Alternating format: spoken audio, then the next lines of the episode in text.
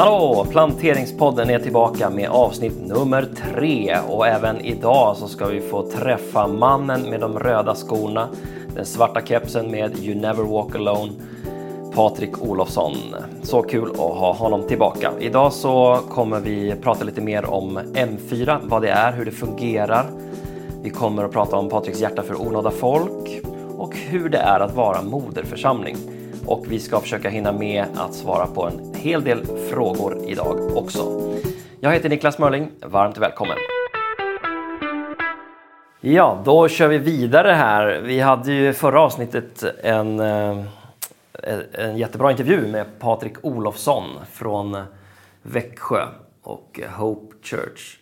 Men eh, det finns ju flera saker som jag skulle vilja prata med dig om Patrik som vi inte hann med i det förra avsnittet. I'm here and I'm ready. Mm. Kändes det bra med förra gången tycker du? Ja, men tycker jag. Ja. Annars hade jag inte vågat göra det till. Nej, det är så va? Ja. Eh, I förra avsnittet så pratade vi lite grann om eh, M4 och eran process där. Hur du upplevde det. Och jag tänker vi ska berätta lite mer om vad M4 är för de som inte känner till det. Och det kan vi hjälpas åt med. M4 är ju ett processverktyg. Det låter ju extremt tråkigt om man säger det, men det är inte en kurs heller, eller hur? Det är ju mer som en... Nej. Det är mer som en, en resa man gör som team. Och det tycker jag är nyckelperson, nyckelgrejen. Eh, att, att man gör en resa som team. Mm. Och det är ingen konferens. Nej. Utan jag tycker det är bra att definiera lite vad det inte är. Mm. Utan det är en resa som, som man gör tillsammans som team. Man träffas under två år, fyra gånger. Mm. Man får lite blandad undervisning. Vi, jag säger vi nu för att jag har varit med lite och, och, och, och tillsammans med dig mm. och tittat på hur vi ska göra. Och vi har lite olika personer som undervisar, tar in mm. och så här. Va? Och den undervisningen har ju tagit lite olika svängar kan man säga. Och sen har vi boken vi kikar på, den undervisning från den. Ja, man, man kan säga så här att eh, för det första så måste man ju vara ett team. Man går det som team. Det är inte till för individer utan det är till för team. Sen kan det teamet bestå av tre personer eller 15 personer. Men man ska vara en grupp som har bestämt sig att vi ska plantera en församling och vi vet vart vi ska göra det och det finns lite förutsättningar runt det där som ja. är satta. Eh, och som du sa, den pågår ju då under fyra terminer. Um, och vi brukar prata om ABC mm. i M4 där A står för assessment, det här fina engelska ordet som egentligen handlar om någon slags personlighetstest där man tittar men hur, hur ser livet ut, hur ser din personlighet ut, vilka gåvor har du, hur behöver du kompletteras och det är till för ledaren eller ledarparet i mm. planteringen. Och sen B1 är ju basic training som du var inne på och yep. där har vi ju det man läser. Yep. Böckerna, säger någonting om dem? Ja, men böckerna har ju, du har ju de här fyra M då, mm. kan man säga. Mm. Och, uh... och de står för Master, Mission, Multiplication of Movement och de är hämtade från missionsbefallningen. Yes, och det tycker jag har, böckerna har tycker jag väldigt mycket. Även ta med lite olika erfarenheter, bra tankar. Jag tycker det är jättebra content mm. utifrån de böckerna. Är det mycket att läsa? Det är ganska mycket att, läsa på ett sätt. Det tycker jag. Andra tycker kanske inte det. Och när du säger mycket, hur många sidor pratar vi om då? Ja, det är en bra sida. Bra... Det kanske är 50 sidor? Eller 100 sidor max ja, 100 per sidor. modul? Ja, så är det. Och det är inte supermycket egentligen. Så man läser boken. Eh, det är fyra olika kapitel i varje sån här modul. Och sen så ser man också på videos eh, mm. online innan man kommer till modulen. Så alla, så alla har varsin bok, läser materialet, alla har tillgång till online-videos på samma teman, samma ämnen, mm. kanske lite annan vinkel. Så när man kommer till modulen så då har man redan tillgodogjort sig all undervisning egentligen. Mm, så, så, processen och tanken är redan igång. Så kanske på tåget på vägen dit eller i bilen eller ja, i minibussen. Så, veckan innan. så, så kanske Just det. Ja, men man har redan börjat tänka innan man ja, kommer dit. Liksom. Ja, men så är det. Och vad gör man på plats? Liksom? Vad ägnar man mer Nej, men det, någon undervisar och sen så går man igenom lite grann frågeställningar och det hjälper ju vi och du och andra eh, teamen med. Mm. Att nu kan ni prata om de här frågorna och ni ska också prata om vad, vad, vad har ni gjort de senaste sex månaderna? Vad kommer ni göra de kommande sex månaderna? Mm. Och, och, och det är då det kommer de här stora, stora affischerna som läggs på ett bord. Just det. Så ska man rita och illustrera. Man rita och illustrera. Och, och, och, för mig, jag tycker det har varit bra för vårt team. För det, man får på något sätt sätta både ord och bilder på vad man snackar om. Det blir hands-on. Och så presenterar man det för de andra teamen. Ja. För jag tänker en, en viktig del av M4 är ju inte bara den eh, processen inom varje team utan man, man byter erfarenheter mm. och följer de andra processerna också. Får lite tankar, idéer kanske och inspiration och kan stötta och hjälpa de andra. Um, ja, det är ett nätverkande. Så M4 är också ett jättebra sätt att nätverka med andra som planterar församlingar. Ja, men precis. Det är, det är väldigt bra.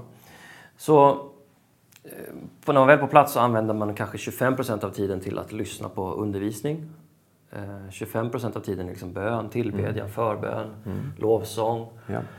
Um, och uh, hälften av tiden använder man, man sitter liksom med sitt team och mm. processar och pratar och bryter idéer och ritar och brainstormar. Ja. Och sådär.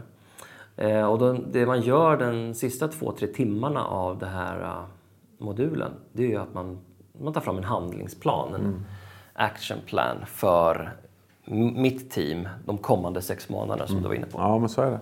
Och det hjälper ju till och, och eh, man får det gjort. De få gånger jag behöver vara på gym oftare. Men jag vet att nu den sista tiden när jag har tränat så har jag, då har jag skrivit upp mig på ett ställe där man får... Det är ett pass. Mm. Upp, till, upp till 15 pass. Mm. Och när man är där med 15 pass om man ska göra samma sak allihopa och, och så här, då gör jag ju det. Ja. Det ska man inte göra när man var själv. Är jag själv, Kanske. åker jag dit själv mm. så är jag inte lika duktig. Alltså då, då går jag och lullar i min egen takt. Det är därför man gillar lagsport. Exakt. Men förstår du poängen? Ja, det är absolut. lite så här också. Här är det de här fyra tillfällena under två år. Ja, det är svårt att inte ta processen framåt. Ja. Det, det, är svårt att inte göra det. Ja. Och det är det som är styrkan. Och det tycker jag är den stora styrkan som jag vill trycka på. Eh, så det kan man säga är B i M4, Basic Training. C är ju coaching. Eh, och coachens uppgift är ju, varje team får en coach, väljer en coach. Eh, och coachens uppgift är ju att hjälpa teamet att förverkliga handlingsplanen. Mm. Och handlingsplanen är ju väldigt specifik. Vi pratar om smart goals, smarta mål som ska vara de får inte, det får inte vara flummigt liksom, eller väldigt abstrakt, det ska vara konkret. Vad ska göras? Hur ska det göras? När ska det göras? Av vem ska det göras? När ska det vara klart? Och hur vet vi att det är gjort? Och så vidare. Mm. Ehm, så det här hur, är coaches... hur mäter vi det? Ja, hur mäter mm. vi det? Mm. Ehm, så, så det här är lite kortfattat M4-konceptet. Eh, M4 kommer från Norge från början och är utvecklad av en, eh, flera personer där såklart, men en av de nyckelpersonerna är Öyvind Augland. En apostel skulle jag vilja kalla honom mm. för för Norge och för Europa. Så det är jättebra material. Vi vill bara ge lite bakgrund och, och, man kan ju kan man komma och hälsa på om man är nyfiken och bara... You the boss. I'm the boss. Så det kan man ju då. Ja, det kan man. Vi brukar ha eh, studiebesök ibland. Det har faktiskt hänt. Ja, oh ja, det händer titt som tätt. Så om du är intresserad av att komma så hör av er till oss om ni är nyfikna och bara komma in och kolla läget och träffa de här. Vi är sex stycken jättebra team som går mot två nu då. Otrolig energi i rummet. Ja, Eh, vi lämnar M4 för nu och så skulle jag vilja att du berättar lite grann om ert missionsarbete, Mission 111. Mm. Eh, Mission, Mission 111 är ju namnet på, eh, på ett sätt på ett movement men också på ett ska jag kalla det koncept. Det är namnet på vår missionsbibelskola, väldigt nischad. Aha. Som handlar om att nå ut, träna folk och också öppna ögonen angående folket som det folk, de folkslag som aldrig har hört om Jesus mm. sen han dog och uppstod. Det finns ett antal tusen sådana platser i, i världen. Och eh, vi har ju kört på några år nu och sett en otrolig förvandling de eleverna. Vi har inte haft så många elever och by design vill vi inte göra det här till en stor bibelskola. Mm. Den är kopplad till vår församling. Och eh, jag tror att det är... Eh, det, jag tror att den här grejen med onådda inte ska förpassas till ett missionsråd. Utan det ska finnas på något sätt i församlingens DNA. Att vi står upp för dem som aldrig någonsin har hört. Mm. Och, eh, så det är något som jag är väldigt passionerad av. hand i hand, inte vid sidan av församlingsplantering utan hand i hand med församlingsplantering. Jag tror att om vi hjälper, om, du, eh, om jag får uttrycka mig så, Jesus med uppdraget att nå dem som han ömmar för, som aldrig någonsin har hört om honom, så mm. tror jag att han kanske inte teologiskt rätt uttalat, men då tror jag han hjälper oss här hemma också ja. med, med församlingsplantering och det vi håller på med här. Ja. Men någonstans så, så, Det kommer från en kille, Karl Hägerstam, som är grundare, som eh, var med om en bilolycka som ung. Mm. Hamnade i koma, mm. fick möta Jesus under komat och fick frågan av Jesus när han var medvetslös. Ja. Vill du hjälpa mig med någon som aldrig hört? Och han vaknade upp. Han var mer eller mindre dödsdömd, men han vaknade upp eh, och är helad. Mm. Och eh, brinnande för Jesus helt plötsligt. Ja. Från att inte varit det. Okay. Och eh, börjar, börjar fundera, börjar be, börjar fråga sig omkring vad, vad, är, vad, är, vad då onådda? Mm. På engelska är det inte bara unreached utan unengaged. Det. det. är de som ingen har gjort något för. De mm. som inte har någon granne, ingen kyrka, ingen granne som kan berätta. Så de kommer ju både göras, födas och leva och dö utan att ha hört om Jesus. Mm. Och, eh, så han, det är i alla fall slutar, long story short, slutar med att han är i Etiopien. Hör om platser som ingen har nått. Det går inte ens att ta sig dit. Det behövs att ta helikopter dit. Han skaffar helikoptercertifikat. Eh, tar sig till en by och, och landar med helikopter nu. En helt onådd by. Med, med han flyger dit själv? Nej, jag tror han flög med andra. Ja. Eh, eller det gjorde han. Och ja. när han landade i alla fall så står folket där. Mm. Och en ledare säger att vi har väntat. Jag, för ett tag sedan så hade jag en dröm. Det var en vit man som kom och sa det kommer snart människor i en fågel. De kommer kliva ur fågeln och berätta om mig. Ni ska ta emot budskapet. Troligt.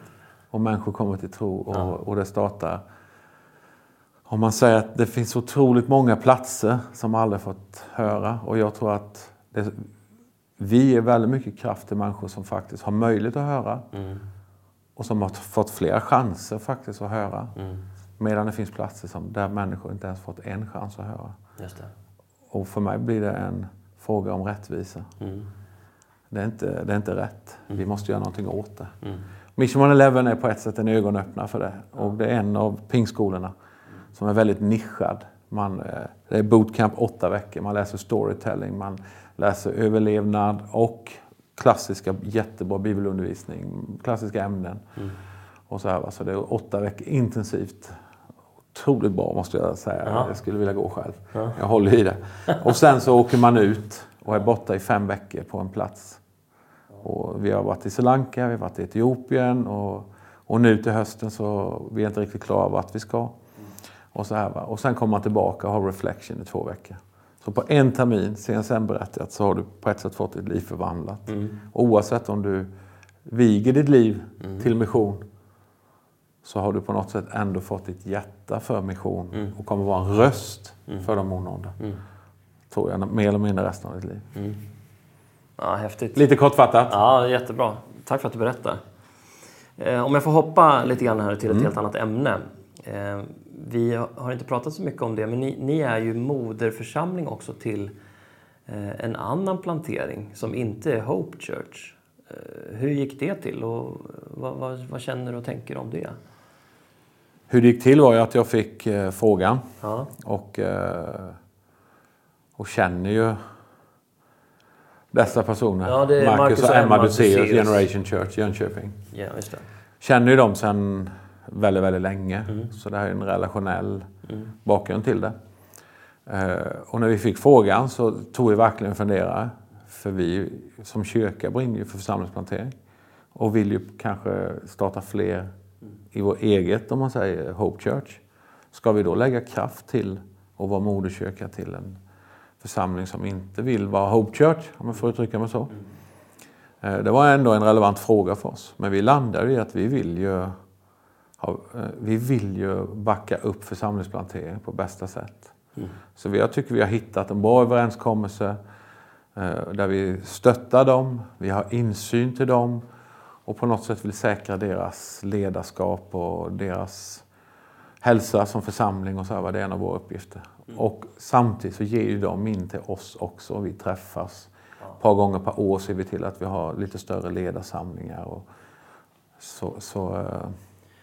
Det låter ju otroligt bra. Vad skulle du vilja säga till församlingar som längtar efter att få göra det? Alltså vara moder och kunna stötta andra planteringar och sådär. Vad kan man säga? Ja, Ett råd eller liksom? Ja, precis. Nej, men jag, tror att, jag tror att det måste, någonstans måste det vara, finnas något relationellt i botten. Sen måste man ha tydlighet. Eh, vad innebär det här? Vad innebär det inte? Det är bättre att vara mer tydlig än vad, än vad man behöver vara. Mm. Eh, speciellt om man är nära vänner. Mm. Och, så här, och sen så måste man bara ha en plan. Och, och, och det är inte svårare än så. Ha? Jag är lösningsfokuserad. Men eh, någonstans så bygger man en relation sen och bara backar varandra. Och våga ställa lite obekväma frågor, även om det är en nära vän. Mm. Hur är det? Hur går det? Och Just det. För det kan vara när det är tufft, då behöver man vissa frågor. När det går riktigt bra, då behöver du lite andra frågor. Ja, men för jag tänker att det här är ju en nyckelfråga för svensk kristenhet, för pingströrelsen. Att, eh, att få en ännu eh, både djup och bredd i liksom missions och planteringsarbetet här på hemmaplan. Mm att fler församlingar blir moderförsamlingar, vågar satsa, mm. vågar investera, vågar ge ut, så mm. ut. Mm. Um, så att det inte enbart är en, en bara en, en, kategori av människor som bara, ja men just det, där är församlingsplanterarna, utan att det blir en, en angelägenhet för mm. hela rörelsen. Verkligen. Även om församlingen som man själv står i eller leder en del av är 50 eller kanske till och med 100 år gammal. Mm. Så det tycker jag är jätteintressant. Ja, men eh, tack så jättemycket Patrik. Thank you. Okej, vi har fått ytterligare en fråga här och den är så här. Måste man vara kallad inom citationstecken eller räcker det med missionsbefallningen? Relevant fråga. Ja, om jag förstår den rätt så handlar det om att hur mycket måste man höra Guds röst och känna i hjärtat att det här är verkligen det jag ska göra? Eller räcker det med att läsa Bibeln som uppmanar mig att berätta om Jesus och gå ut ja, och göra lärjungar? Finns det någon balans där? Jag tror det finns en balans. Jag hörde någon säga, någon som hade kommit fram till någon och, och, och vad är ditt bästa råd om jag känner att jag ska plantera en församling och jag ska vara pastor? Eh, och rådet var, spring. Göm dig från den frågan. Försök göra ditt bästa för att komma undan. Och kommer du inte undan, återkom så ska jag ge dig några bra råd. Tanken med hela den storyn, som kanske inte var sann, var ändå på något sätt inse att det är tufft mm. att plantera en församling. Det mm. krävs lite uthållighet. Mm. Och med det sagt, med, och med den insikten på något sätt att, att verkligen vara överlåten till det man gör, mm. så tror jag inte man behöver vara superkallad och höra mm. på, få ord på, på liksom, eldskrift och så här, utan mm. jag tror att är du hungrig och har ett team och, och är villig att slita och, och, göra något så tror jag att du kan lyckas, för Gud är med dig. Det tror jag också. Eh, det jag skulle lägga till är att även om man inte känner att ja, men jag har ett sånt där God moment, jag har inte sett eldskrift på väggen. Mm. Um, har du det? Uh, nej, inte på det sättet. Men det finns en väldigt djup, djup uh, övertygelse om att det här är det Gud vill att jag ska göra, som jag burit med mig sedan jag var 20 år. Mm och som fick mogna innan jag tog några konkreta steg under kanske en tioårsperiod åtminstone, mm. eller ännu längre. Så det fick verkligen växa sig fast. För det jag tänkte komma till är att oavsett vilken typ av kallelseupplevelse man har, den kan ju vara jättestark eller den kan vara lång och utdragen. Så tänker jag att man måste verkligen vara överlåten, måste veta att det här vill jag och det här vill Gud. Mm. För vet man att det här vill Gud, då håller det när det blir tufft. Mm. För tufft blir det. Ja, absolut. Förr eller senare på något sätt. Eh, och då räcker det inte bara med jag är inspirerad. Eller folk omkring mm. mig tycker att jag är duktig eller vad det kan vara. Utan det mm. krävs någonting mer. Helt ja, bra. bra fråga. Nästa fråga eh, kom via Instagram här. Och eh, den är så här. Hur länge räknas en plantering som en plantering? När skulle ni säga att församlingen står på egna ben? Ja, det är en bra fråga. Mm. Det finns bara bra frågor. Ja. Ja, till att börja med kan man fundera, så det är, för det första är det inte en jätteviktig fråga. Det är ju mer en, en fråga om eh, terminologi. Eh, I fråga om funktion och så vidare så är det inte så viktigt vad det heter. Vad det kan, men kan hjälpa en själv, tänker jag. eh, som är med i en plantering eller om man är moderförsamling. Och hur definierar vi det vi är och det vi gör? Så i den aspekten så kan det vara intressant. Eh, men jag tänker man går igenom lite olika faser i en plantering. Där man är i någon slags förberedelsefas och man eh, definierar vilka man är, vart man är på väg, vilken vision har vi och vilka strukturer ska finnas, värderingar och man ber mycket tillsammans, tar kontakt med människor i samhället och ja, försöker lära känna nya människor. Det är någon slags förberedelsefas. Sen kommer man in i en mer etableringsfas kanske där man eh, sjösätter allt det man har bett om och pratat om och funderat över, diskuterat. Eh, och sen när man väl startar församlingen, eh, och det är också vad skulle du säga att starta församling eller grunda, nej, vad är det? Hur definierar du det? Är det när man har gudstjänster eller? En del tänker nog så. Ja. Att eh, när vi börjar ha gudstjänster varje söndag, då är vi en församling. Ja. Eh, Tänker du så? nej, jag gör nog inte det riktigt. Eller så. Utan, eh, en del vet jag, jag har pratat med församlingsplanterare. Där två eller tre är samlade, där är Jesus mitt ibland oss. Vi är en församlingsplantering. Vi är en plantering. Så tänker jag inte heller riktigt. Nej. Utan det här är som du säger, det här är ju ingen, det är svårt att säga vem som har rätt och fel. Ja, det finns ju inget rätt och fel. Det Och det är ingen jättestor, med. jätteviktig fråga, som du säger, på ett sätt. Men jag, i pingst tror jag vi säger att 30 döpta, Ja, 25. ja, 25 till och med, så är det... Vi Då, sänkte då kan man bli medlem i Pingst Fria Församlingar i Samverkan, alltså Ja. samfundet. Och det kan man säga, då är man ju en församling. På det, utifrån den aspekten då. Mm. I Guds ögon så, så är det svårt Ja. att och, och, eh, definiera det. Nej, men lite grann som vi var inne i en podd tidigare här med Martin Alexandersson så pratade vi om att eh, man kan ju ha offentliga samlingar men man kanske inte har dem varje söndag. Man kanske har dem en gång i månaden eller varannan vecka. Och det där hänger ihop lite grann med vilka resurser har vi, hur många är vi? Eh, vad kan vi få för stöd från vår moderförsamling? Eh, men jag, jag tänker att det, det får gärna finnas lite olika definitioner när en församling anses planterad eller startad. Ehm, Men det var ju en följdfråga här. När skulle ni säga att församlingen står på egna ben? Ja, jag, som svar på den så tänker jag att det beror på vad man har för ambition. Ehm, Jag, jag håller med dig Patrik när du säger att eh, gudstjänsten är inte det enda som definierar om det är en församling eller inte. Det finns många andra saker som är minst lika viktiga eller viktigare. Eh, Men att stå på egna ben, det tänker jag, då, då finns det en ekonomi, finns ett givande och en ekonomi i den här nya gemenskapen. Eh, Man har någonstans man samlas, man samlas regelbundet. Eh, Det finns ett ledarskap som kan leda, styra, bära, vägleda, undervisa. Ehm, Ja, skulle du vilja lägga till någonting där? Eh, När står man på egna ben? Ja. När, när står man på egna ben är väl att man... Jag tror att man kan ha behov av en moderkyrka och ett nätverk även om man nu står på egna ben. Absolut. Så det beror på vad man menar när man säger stå på egna ben. Nu klarar vi oss själva. Jag tror aldrig vi klarar oss själva. Vi behöver ett nätverk. Ja. Vi behöver input, vi behöver andra röster på det sättet in. Men, men jag håller väl med dig att när, när, när någonstans det finns en struktur, det fin- det finns en gemenskap som har, har ett ledarskap, man, man backar varandra, man har ett givande, man har en, e- en vision, man ser framåt. Och man ser sakta men säkert en, en tillväxt och man vet hur man ska ta hand om den tillväxten. Eh, då står man ju på egna ben. Ja. Bra svar. Ja, då har vi en fråga här som lyder Vad är några oumbärliga egenskaper för en församlingsplanterare? Det här är ju en jätteviktig fråga. Liverpool-fan? Ja, det är helt oviktigt. Okej. Nej, men är en, något som jag ser Däremot otroligt New York Rangers kan ju vara relevant. med Mike. Hur som helst så eh, tror jag på riktigt att en nöd för de förlorade, det låter ju larvigt att överhuvudtaget säga det. Men jag vill ändå säga det. En, en nöd och på något sätt verkligen en nöd för de förlorade, för, för människor som inte känner Jesus. Eh, Du kan inte bara ha en passion för att vi ska vara en kyrka som är sund eller ska vara på ett visst sätt. Du måste ha en passion att nå nya människor så att du till och med struntar i exakt hur församlingen ska se ut eller strukturen kring den. Ska det vara husförsamling? Ska det vara maffiagudstjänst. Det ska vara, någonstans målet ska vara vi måste nå nya människor. Det är en oumbärlig egenskap. Hjärtat för nya människor. Ja. Ja, det är bra.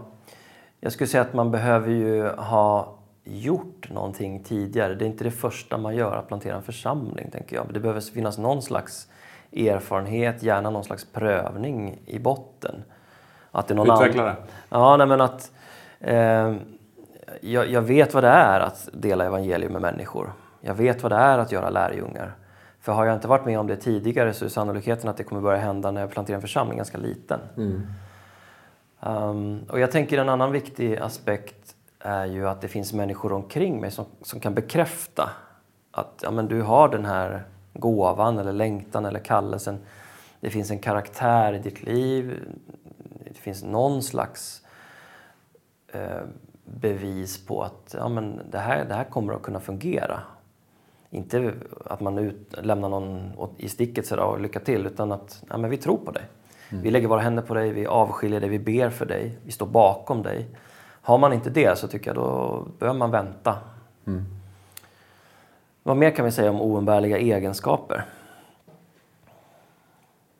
Måste man vara en teammänniska? På något sätt måste du nog vara det. Mm. Du kan inte vara en lone ranger och, och tro att you're the only one. Måste man kunna undervisa? Nej. Ärligt talat säger jag nej på den frågan. Måste man vara en bönemänniska? Ja, i viss mån måste du vara en bönemänniska. Måste man vara social och relationell? Du måste på något sätt ändå få in i teamet någon som är social och relationell. Mm. För det kopplar jag till att vara evangelistisk. Mm. Måste man vara en organisatör och så strukturerad? Eller? Nej, men med tiden så måste du också få in det i teamet. Mm. Ja, men bra. Då har vi gett i alla fall några svar. Kanske inte ett heltäckande svar, men lite svar. Så här är det, om jag bara får avsluta då, ja. innan du trycker på eh, avsluta-knappen. Så, så, tänker jag på att Bibeln talar om fem tjänstegåvor. Ja. Och, och, man kan ju också... Vilka är de? Och då är det ju... Det är, bibelläraren brukar titta på min hand. Ja. Jag, jag tittar på, pekar ju på lillfingret nu. Bibelläraren som når in i örat och som faktiskt kan nå människors hjärtan. Du har mitt eh, ringfinger här. Jag är gift och har en fin ring här. Det är pastorn, det är heden som tar hand om folk. Och sen har du mitt eh, finger som jag vänder på nu, inte, så jag inte ger dig fingret Niklas. Utan som når längst ut. Om, om man eh, pekar med alla fingrar ner, så når, det, är evangelist, det är evangelistiska. Mm. Och sen har du profeten, jag pekar jag på dig med mm. det fingret, pekfingret. Då. Och sen har du aposteln som touchar alla de här tjänstegåvorna på något sätt. Aposteln eller aposteln? Aposteln, om jag vill vara ej småländsk. Hur som helst, viktigt är att man läser Bibeln. Hur som helst så, så, eh, så tror jag att det här är också på ett sätt funktioner, gåvor i, i en församling. Och det här tror jag man ska tänka på.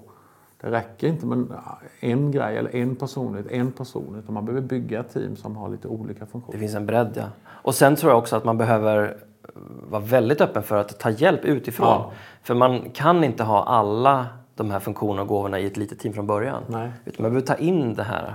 En bibellärare, eller en profet, eller en ja. evangelist, eller en herde. Eller, eh, sådär. Nej, nej, mm. Och det här blir ju då tillsammans ganska oumbärliga egenskaper som behöver finnas. Jättebra. Tack för bra svar. Thanks. Underbart! Fortsätt jättegärna att skicka in fler frågor så ska vi ta med dem i kommande avsnitt. Läs mer om församlingsplantering på plantering.se eller vidare.nu. Har du Instagram så um, heter vi plantering.se. Dela gärna med dig av den, det kontot till dina vänner så fler kan följa. Eh, skicka in eh, berättelser, stories, så har vi mer att berätta och dela med oss till eh, alla våra lyssnare. Håll utkik efter nästa podd som kommer om någon vecka. Ha det så gott, vi hörs snart.